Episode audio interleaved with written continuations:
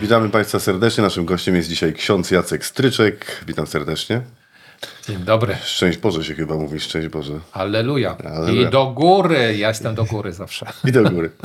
Ksiądz, który duchowny, który e, jest, skończył vibroakustykę e, w Akademii Górniczo-Hutniczej. A jeszcze może dodajmy, bo e, może czas już na jakieś podsumowania mojego życia. Ale gdzie? Zaraz, dopiero zaczęliśmy. Jestem zaliczany do wybitnych absolwentów Akademii Górniczo-Hutniczej i w takiej książce jubileuszowej jest mój tekst.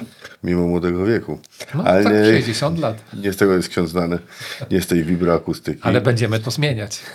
Ksiądz ma prawo nosić rokietę i mantolet. Wyczytałem, przygotowałem się do e, rozmowy. E, niech e, każdy, kto chce sobie sprawdzić, to niech sobie sprawdzi, co to jest Czyli rokieta. jestem kanonikiem drugiego stopnia. Tak, mantolet to nie jest pistolet, to nie ma z tym nic wspólnego, to są specjalne szaty no, liturgiczne, tak? E, I jest też ksiądz znany przede wszystkim z tego, że założył Stowarzyszenie Wiosna w 2001 roku i to stowarzyszenie organizowało szlachetną paczkę. No jest też też ksiądz związany z różnymi, nazwijmy to, perypetiami związanymi z tą szlachetną paczką. Jeżeli ktoś nie wie, to ja szybciutko powiem, o co chodzi, chodziło w szlachetnej paczce i o co chodzi. Otóż chodzi o to, że specjalni ludzie księdza sprawdzali rodziny, które czegoś potrzebowały, ale nie rodziny, które byłyby patologią, tylko rodziny, którym się słabo powodziło, źle się powodziło i można było z tego, z tej, tej takiej chwilowej biedy wyciągnąć te rodziny, wyciągnąć im fundując paczkę raz na rok, ale te paczki, Dedykowaną pomoc. tak, dedykowaną Pre- jak pomoc. prezent. Tak, dedykowaną pomoc, znaczy te rodziny mówiły, czego potrzebują, żeby się ich życie zmieniło. I te paczki kosztowały średnio około 3000 zł. Każda rodzina dostawała paczkę około 3000 zł. To było około dwa, ponad 20 tysięcy rodzin. E, W 2017 roku pomoc wyniosła 53 miliony złotych. Nie, imponująca rzecz. I nadszedł wrzesień 2018 i teraz księdzu oddaję głos. E, Chyba nie powinienem się uśmiechać, e, Nie no, ale oglądam, po tak jakiej, ciężkim oglądam w jakiej formie jest ksiądz. po, po tak ciężkim życiu. E, Więc podsumowując ten e, przykrótki trochę życiorys, chciałbym powiedzieć, że naj, najbardziej powinienem być znany z pracy nad sobą, ponieważ ja w wieku 15 lat postanowiłem znaleźć szczęście pracując nad sobą, kierując się prawdą. E, A wszystkie pozostałe rzeczy, które mi się wydarzyły w życiu, są pokłosiem tylko mojej A pracy co, co, co, co sobą. to się wydarzyło w tym wieku 15 lat? No chyba byłem nieszczęśliwy i stwierdziłem, że chcę być szczęśliwy. E, A znaczy ksiądz tak sobie szedł jako młody chłopak i powiedział sobie, a tak chodzę sobie nieszczęśliwy i będę teraz szczęśliwy, tak? tak, tak. No może nie, nie tyle chodziłem, co siedziałem w pokoju i tak się zastanawiałem, że kurde, e, jestem nieszczęśliwy, czegoś mi brakuje, nie wiedziałem czego i chcę być szczęśliwy i podjąłem pierwszą decyzję w życiu taką mądrą. Ja byłem zwykłym szarym chłopakiem, takim zwykłym. No i zacząłem konsekwentnie szukać szczęścia, nie wiedząc czym ono jest, ale e, eksperymentując okazywało się, że trafiałem przez najbliższe lata na to, co było przyjemne, a przyjemność się e, rodzi z kacem. Czyli na przykład pijemy, znowu będziemy spragnieni, jemy, znowu będziemy głodni, pijemy, mamy kaca. Czyli przyjemność daje krótkoterminowe wrażenie, a ja przeczuwałem... Przyjemność. A ja prze, przeczuwałem, że istnieje szczęście i paradoksalnie e, znalazłem szczęście po moim nawróceniu e, w wieku 20 lat. Takim prawdziwym, jestem prawdziwym neofitą z katolicyzmu na katolicyzm, czyli z takiego sformalizowanego e, przeżywania religii na rzecz doświadczenia Boga. Miał wszystkie cechy człowieka zakochanego, tylko że w Bogu. I, e, no i po jakimś tam czasie... A przynajmniej muszę przerwać. A stało się coś takiego, co było jakieś przełomowe, że ksiądz, nie wiem, jechał na koniu i spadł, albo, Nie, nie, albo jakaś nie. burza, albo jakiś gorejący Nie, coś nie, na nie. przykład. Należy sobie wyobrazić, no stało się, Pię- piętnastolatka, który sobie podsumował te ostatnie lata. Ale jakiś znak z zewnątrz? Nie, Nie. po prostu podsumowałem sobie, że, e, że czuję się nieszczęśliwy i nie chciałem się zgodzić z takim e, sposobem funkcjonowania. I zacząłem szukać szczęścia. Normalnie. Metodycznie, dzień po dniu, w wieku, wie- w wieku 15 lat zacząłem pracę nad sobą, szukanie szczęścia. I paradoksalnie, po wielu eksperymentach, tylko miałem taką zasadę, jeżeli czegoś próbuję, na przykład poszedłem na imprezę, na imprezie było fajnie, taka niewinna impreza, no ale impreza, a No niech ksiądz opowiada. Niech ksiądz opowiada no siedzieliśmy przy stole, jakieś Ciekawe. nastolatki. Niewinna impreza. I e, jakieś nastolatki i ja nie piłem alkoholu, no bo e, miałem zasady, mówiłem, że z katolicyzmu, nie? Tak. E, w każdym razie. No, Ale nie to było źródłem księdza ale, nieszczęścia. ale po imprezie okazało się, że już nie było e, w tym satysfakcji, że na niej byłem. W związku z tym nie chciałem się chodzić na imprezy jako źródło czegoś, co jest tylko na chwilę przyjemne.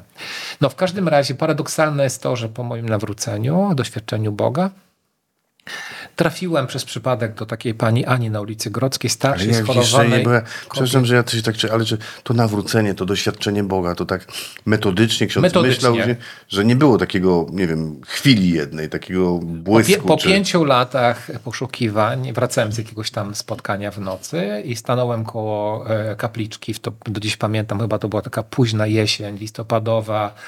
Wiał wiatr, e, to jeszcze czasy PRL-u, lata 80. Ja mówię, Boże, już- wszędzie szukam tego szczęścia, tylko nie w Tobie. To tak też paradoksalnie, nie? Że, że jako katolik nie wpadłem na to, że dzięki Bogu mogłem znaleźć szczęście. No i mówię, no to jeszcze tego nie spróbowałem, już wszystko spróbowałem, no to proszę bardzo. No i konsekwentnie za tym poszedłem, za tą decyzją. E, e, no i potem pojechałem po maturze na rekolekcje oazowe, potem wstąpiłem do duszpasterstwa akademickiego w Krakowie, no i potem doświadczyłem Boga. A e, zmierzając do tego, paradoksalnie e, e, szczęście znalazłem wtedy, kiedy poproszono mnie o pomoc takiej starszej, schorowanej osobie na ulicy Grodzkiej, pani Ani W Krakowie. w Krakowie. I pani Ksiądz Ani, jest Krakusem, trzeba powiedzieć. ja do, k, jestem z Wolnego Miasta Kraków. Bo Libiąż należał do Wolnego Miasta Kraków, gdzie jest 50 kilometrów od Krakowa. W każdym razie u pani Ani wykonywałem takie proste czynności jak y, y, wacikiem czyszczenie czterech klepek parkietu, palenie y, niedopalonymi zapałkami i łupinkami orzechów w piecu, szmatą zgarnianie kurzu ze ścian. A ja byłem 20 lat, dostałem się na wysokomatematyczne studia, byłem wysportowany, byłem sportowcem po prostu, taki mięśniak. A dostawałem takie proste za, zajęcia. To trwało dwie godziny. I wyszedłem od pani Ani i po raz pierwszy w życiu poczułem, że chyba jestem szczęśliwy. I nie mogłem w ogóle w to uwierzyć. To ze dwa dni to w ogóle trwało. Potem za tydzień poszedłem, chodziłem do niej co tydzień i znowu były te dwa dni. Potem były to trzy dni. I po jakimś czasie odkryłem zasadę, o której mówi Jezus, że więcej szczęścia jest w dawaniu, aniżeli w braniu. Czyli paradoksalnie, jeżeli my szukamy szczęścia przez domaganie się przyjemności, to doświadczamy tylko krótkotrwałej przyjemności i kac, i kac związany z tym, że, e, że potem tracimy tą satysfakcję. A szczęście jest e, elementem dodanym do e, działania bezinteresownego na rzecz innych, bo tam wystąpił taki przypadek, że pani Ania w początkowej fazie naszej znajomości nie miała nic do zaoferowania, bo ja byłem tym facetem, tym, tym mięśniakiem, tym inżynierem przyszłym. I, i, jakby, więc wyszło mi tak przypadkowo, bezinteresownie i zostało to natychmiast nagrodzone. I ta historia jest dlatego ważna, ponieważ szlachetna paczka jest zbudowana na tej zasadzie, że, e, że pomaganie w szlachetnej paczce nie, wy, nie wynika z szantażu emocjonalnego, z przekonań moralnych, tylko z tego, że jak ludzie raz doświadczą, że jak bezinteresownie pomagają, to są szczęśliwi, to tym żyją. I e, cała sztuka była, polegała na tym w tworzeniu paczki, żeby ludzi, najpierw wolontariuszy, a potem darczyńców, przekonać, żeby chociaż raz spróbowali bezinteresownie. Jak już raz spróbowali, to potem był, było milion. I to, to była najbardziej, e, to taki projekt najbardziej taki, mm, na końcu już taki, taki zwiewny. No. Ja do dziś pamiętam te sytuacje, e, powiedzmy tam 2007 rok, przyjeżdżam do Warszawy z Krakowa, tego prowincjonalnego Krakowa, no wiadomo.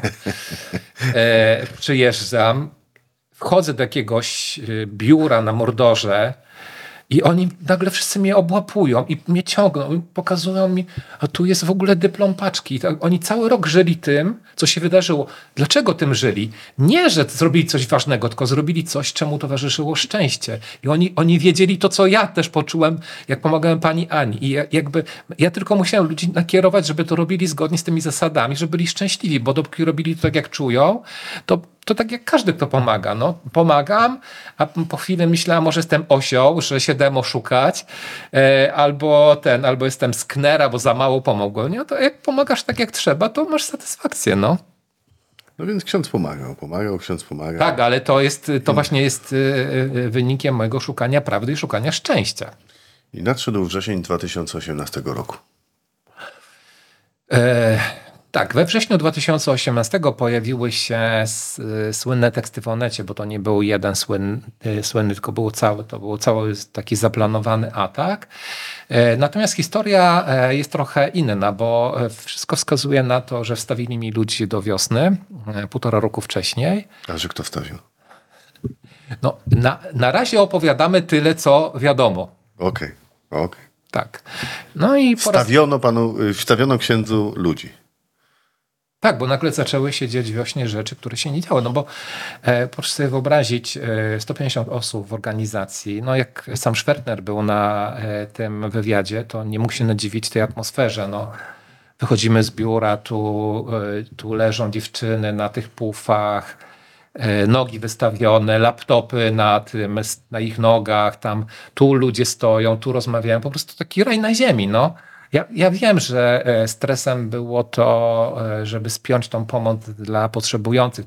Czasami byliśmy w dużych stresach, kiedy trudno było e, znaleźć tylu chętnych do pomagania, no ale na co dzień jednak to siłą tego projektu było to, że ludzie się utożsamiali z ideałami, dawali samych siebie.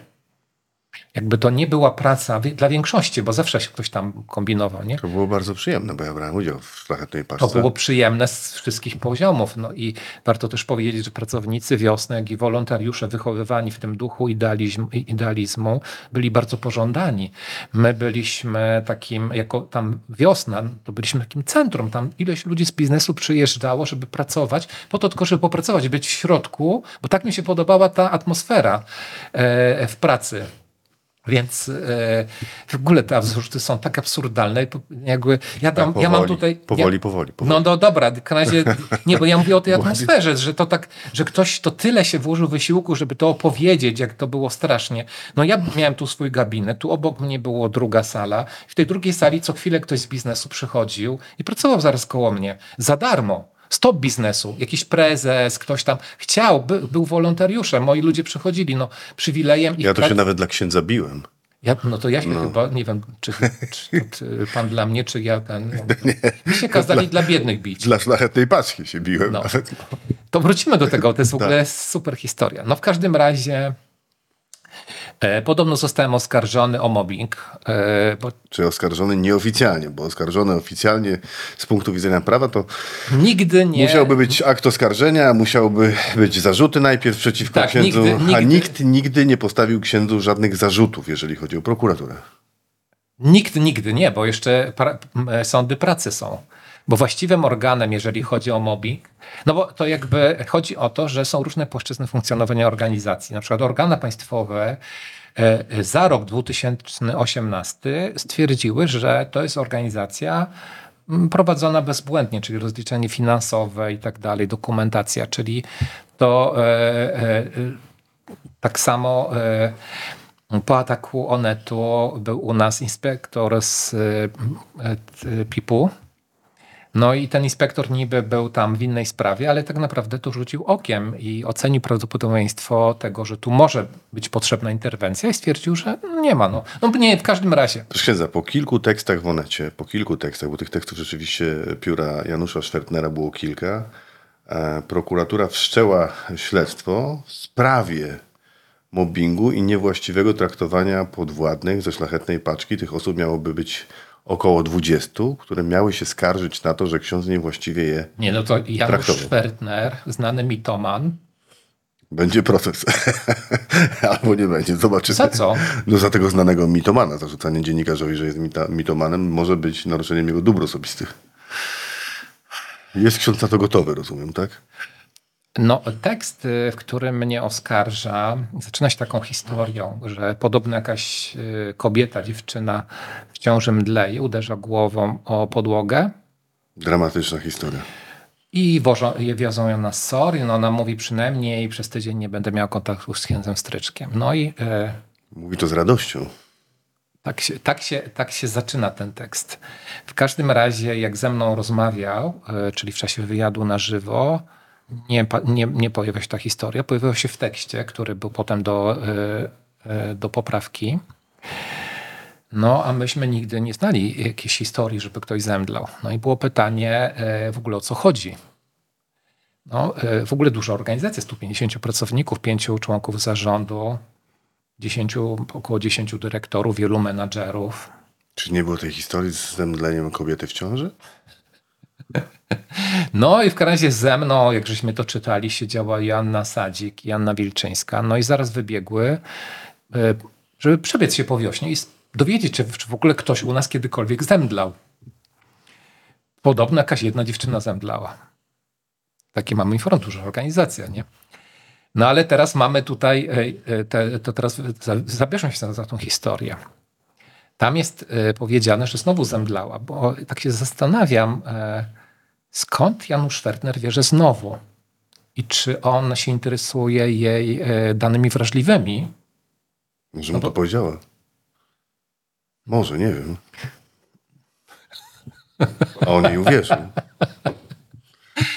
No w każdym razie, e, w każdym razie i na dodatek jeszcze, że powiedziała, że, e, że, e, że nie będzie się widziała tydzień z księdzem Stryczkiem. No. Nie znam nikogo, kto by z nim rozmawiał na ten temat, kto by tą historię opowiedział.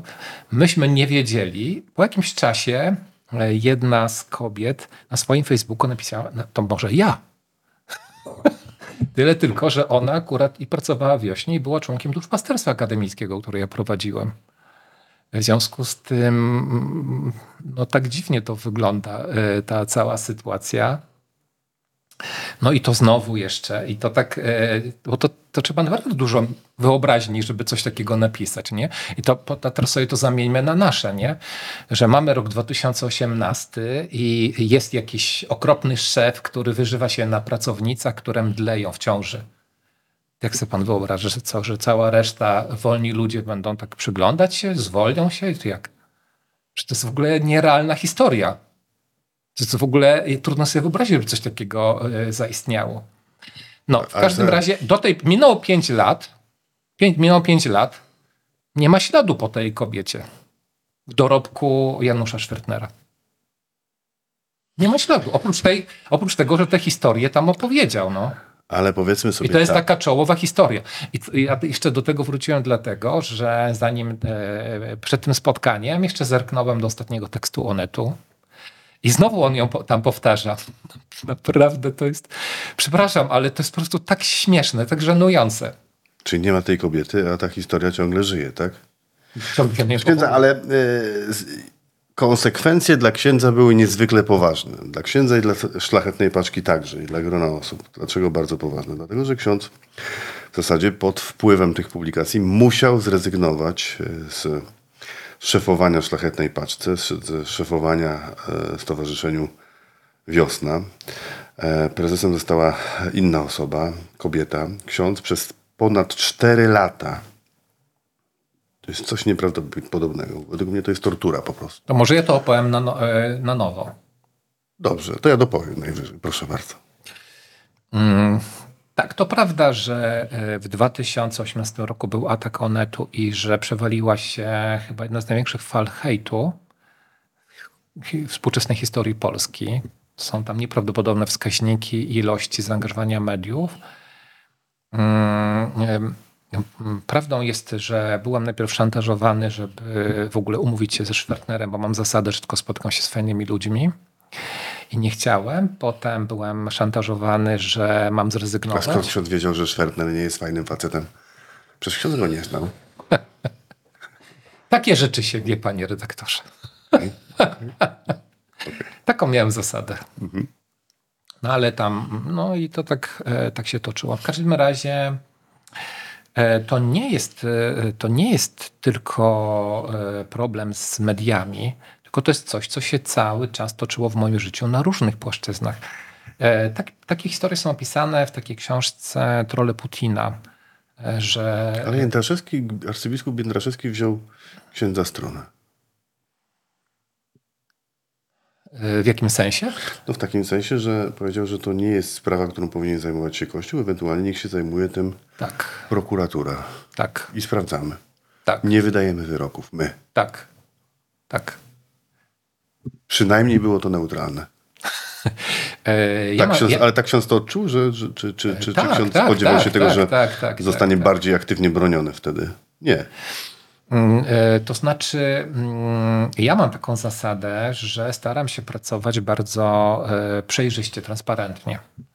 I kuria dostawała dokumentację tego, co jest naprawdę, a nie tego, co jest w mediach. Mhm. Także funkcjonowałem e, w tym świecie.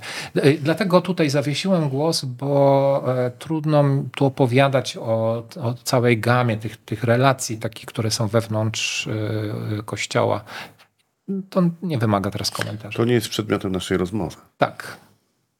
I to jakby to jest osobny świat. W każdym razie tak, to W każdym prawda. razie ksiądz rezygnował. E, tak, zrezygnowałem. E, mm, właściwie to zrezygnowałem dlatego, że mm, ja mam taki feler, y, że jestem pokorny. Jest to być może pokora bezobjawowa. E, Natomiast y, ja zupełnie nie byłem przywiązany do tego stanowiska i co więcej, chciałem też już zrezygnować.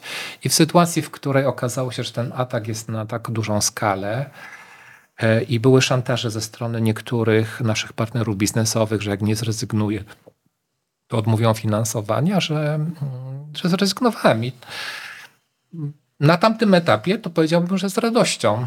Chociaż jest to teraz e, używane przeciwko mnie, że, e, za, e, że to jest uwiarygodnienie. Tak naprawdę uwiarygodnienie tego tekstu, gdzie było wiadomo, że nie ma nic, miało być na trzech poziomach. Pierwszy tekst, który dostałem do autoryzacji od Janusza Szwetnera, zawierał sformułowanie, że przyznaje się do mobbingu. Oczywiście nie przyznawałem się i był napisany po prostu, to był, nasza rozmowa to jedno, a to co on przysłał to było drugie. Gdzie to było zupełnie inna rozmowa, cośmy potem zaczęli poprawiać. Po drugie właśnie było to nastawienie, że mam, mam zrezygnować i po trzecie były cały czas szantaże, że mam przeprosić. Nigdy nie przeprosiłem e, z prostego powodu, ponieważ to ja byłem strażnikiem wartości w Stowarzyszeniu Wiosna. To ja pilnowałem, żeby e, nie działy się złe rzeczy. E, No i już. Natomiast jak sobie pan wyobraża taką pracę, nie? że jestem społecznikiem, chodzę do wiosny za darmo. W ogóle to jest tak absurdalne. Chodzę do pracy do wiosny i co? I że ja, ja tam po, czerpię satysfakcję z tego, że kogoś krzywdzę? Czasie, No to czasie, w ogóle, to, to jest po prostu tak absurdalne. A teraz tak, a teraz no bo tak, bo rozumiem, że na to ktoś ma firmę, nie? Tam naciska na pracowników, ma zwię- e, wzrost e, wyników firmy, większe przychody. Ale tutaj no, naciskałem po to, żeby, e, jeżeli bym naciskał w taki sposób, to po to, żeby była większa pomoc. Więc ja po prostu nie umiem się tutaj z tym e, jakoś tak e, od- odnaleźć w tej, tej konstrukcji całego tego, tej, tej absurdalnej opowieści. Natomiast mogę od razu powiedzieć, że mój styl zarządzania polegał na tym, że były tylko dwa typy spotkań. Jedno spotkanie to były kreatywne i drugie dotyczyły problemów, czyli były kreatywne, bo chodziło o rozwiązanie problemów. E, e, Ja spotkałem się z pracownikami, ale ze względu na e, duże tempo prac, spotkania były nagrywane wszystkie, żeby pracownicy mogli potem czerpać z dorobku tych spotkań, żebym nie musiał powtarzać tego, co wypracowaliśmy. A przeciętny pracownik spotykał się ze mną w ciągu roku raz, dwa razy, najczęściej też nie sam na sam. E, No bo to duża organizacja, no to w ogóle duża organizacja, pięciu członków zarządu, z dziesięciu dyrektorów, wielu menadżerów, duża organizacja, tak? To, to ja. Proszę co, śledztwo trwa 4 lata, ponad 4 lata trwało. W grudniu zostało zakończone. Zostało zakończone umorzeniem sprawy. Przesłuchano około 700 świadków, jak pamiętam. Dobrze? 750. 750 I teraz świadków. powiedzmy tak, e, jak to jest możliwe, że, e, że przesłuchiwano 750 świadków, bo no niech, niech pan się tak zastanowi. Stowarzyszenie miało 150 osób. Skąd taka lista, nie? Ale to, żeby wyprodukować listę 100 pię- e, 750 świadków, to musi być jakaś zorganizowana instytucja chyba, która to dostarcza, nie? Te nazwiska. O tym decyduje prokurator. Myśli pan? E, Tak.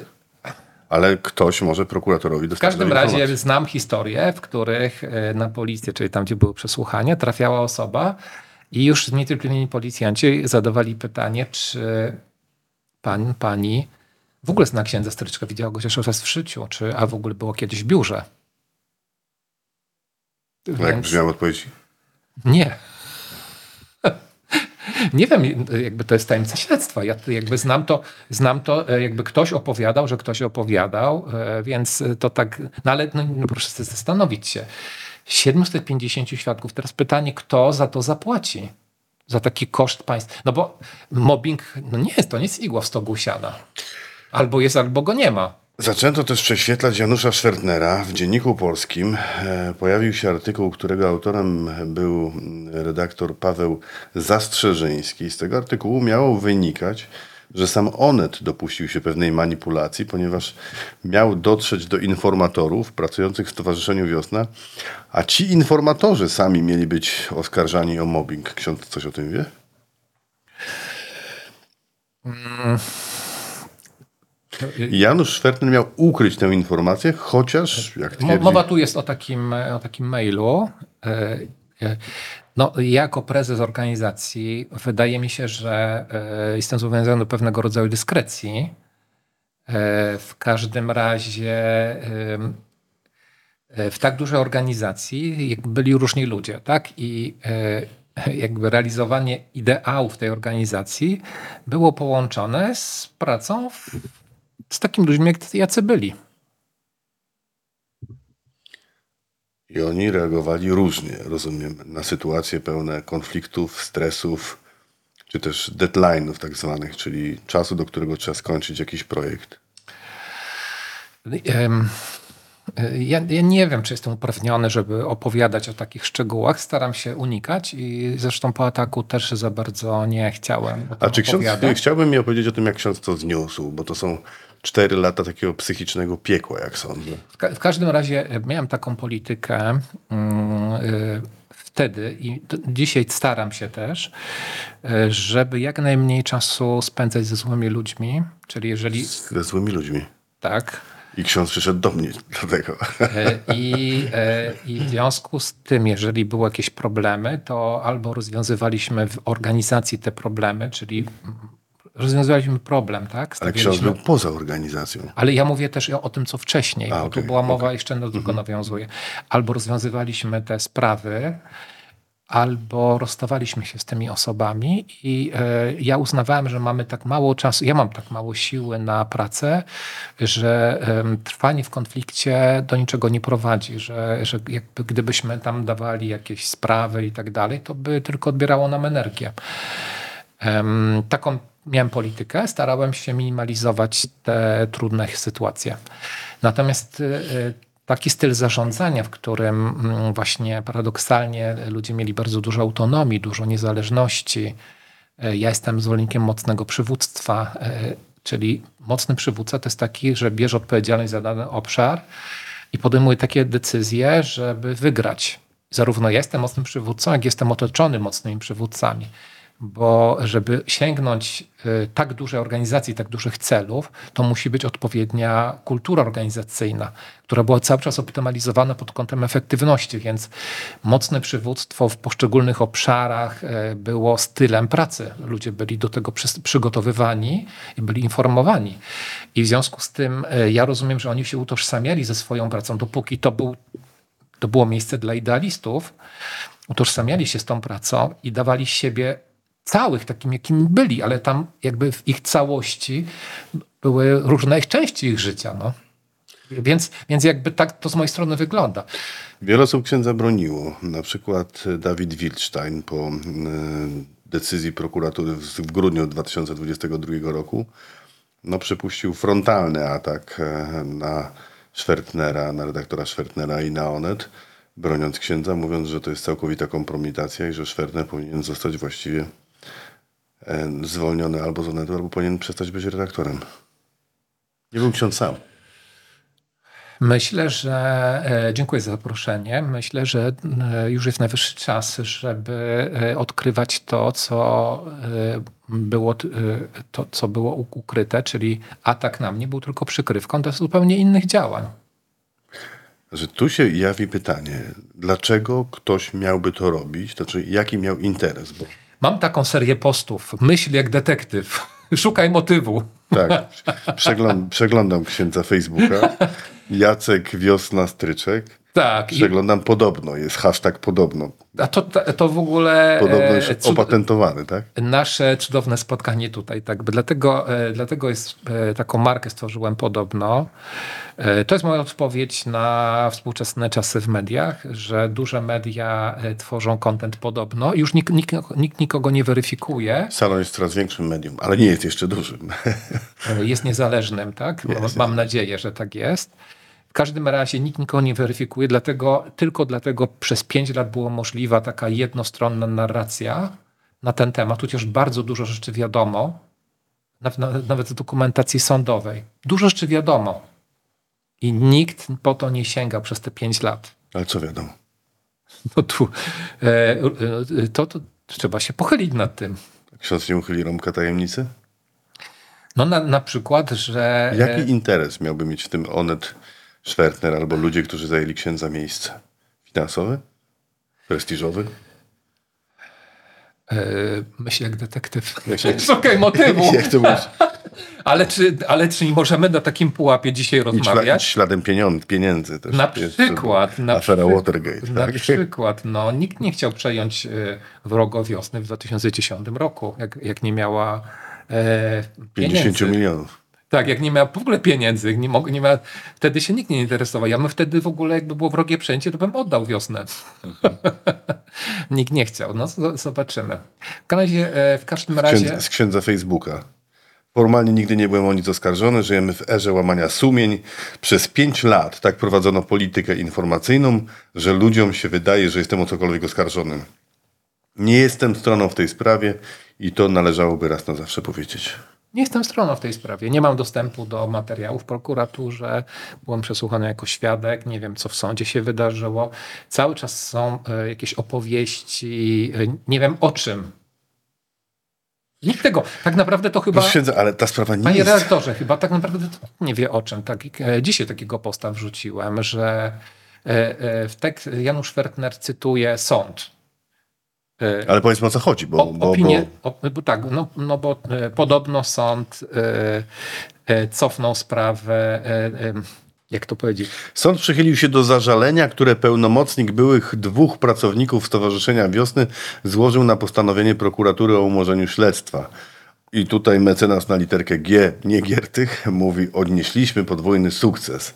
Rzetelne i racjonalne podejście do sprawy. No, z 20 świadków chyba zostało dwóch. nie jest 750. Znaczy z 20 jest osób, a- z 20 osób, które miały świadczyć A, przeciwko a jeszcze księdzu. prokuratura potem to skomentowała, że e, inaczej ocenia materiał dowodowy niż sąd i na tym etapie nie ma możliwości odwołania się od decyzji sądu. Jest takie oświadczenie prokuratury. Czyli prokuratura musi w tej chwili jakby zrobić drugie śledztwo i jeszcze raz napisać co? To samo napisać? Coś napisała? Ja się tak zastanawiam, e, na czym może polegać szukanie mobbingu po pięciu latach. To nie, nie wiem, czy pan to rozumie, absurdalność tego, no bo to, albo to widać, albo nie, bo ja nie wiem. No to tak, tak, tak a propos. E, No W każdym razie. Mnie ksiądz nie mobbował. To mogę powiedzieć. Chociaż spotykaliśmy się parę razy, w tym na ringu też się spotykaliśmy. Bo my, drodzy Państwo, byliśmy na gali Białych Kołnierzyków i mi powiedzieli, że ja do, dla dobra szlachnej paczki mam wystąpić w walce finałowej z Andrzejem Supronem. Tak.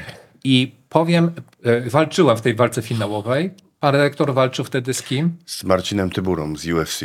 Tak, tak, tak. I to groziło śmiercią lub kalectwem. Groziło śmiercią, ale przeżyłem jakoś.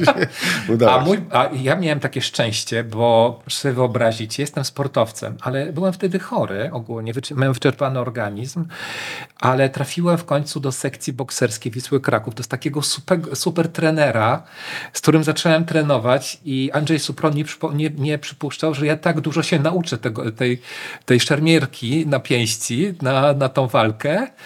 E, e, a jeszcze na dodatek w czasie walki winowej ja byłem przeziębiony po prostu, więc ledwo tam byłem ży, ledwo E, żywy. dobrze księdzu szło. Dobrze księdzu Ale zrobiłem to i w ogóle, w ogóle potem jeszcze rozwijałem. Ja w ogóle trenuję z mistrzem świata kung fu i on patrzy tak zawsze na mnie, mówi, Teraz? Ale teraz, tak?